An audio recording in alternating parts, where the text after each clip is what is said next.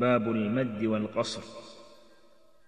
إن حرف مد قبل همز طولا جد فد ومز خلفا وعن باقي الملا. والسط وقيل دونهم نل ثم كل روى فباقيهم أو اشبع ما اتصل. للكل عن بعض وقصر المنفصل بالليح من عن خلفهم داع ثمل. والبعض للتعظيم عن ذي القصر مد وأزرق إن بعد همز حرف مد. مد له واقصر ووسط كناء فالآن أوتئي أآمنتم رأى. لا عن منون ولا الساكن صح. بكلمة أو همز وصل في الأصح.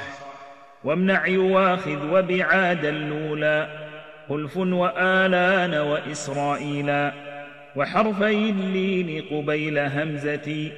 عنهم ددا ووسطا بكلمتي لا موئلا موؤودة والبعض قد قصر سوآت وبعض خص مد شيء له مع حمزة والبعض مد لحمزة في نفي لا كلام رد وأشبع المد لساكن لزم ونحو عين فالثلاثة لهم كساكن الوقف وفي اللين يقل طول وأقوى السببين يستقل والمد أولى إن تغير السبب وبقي الأثر أو فاقصر أحب.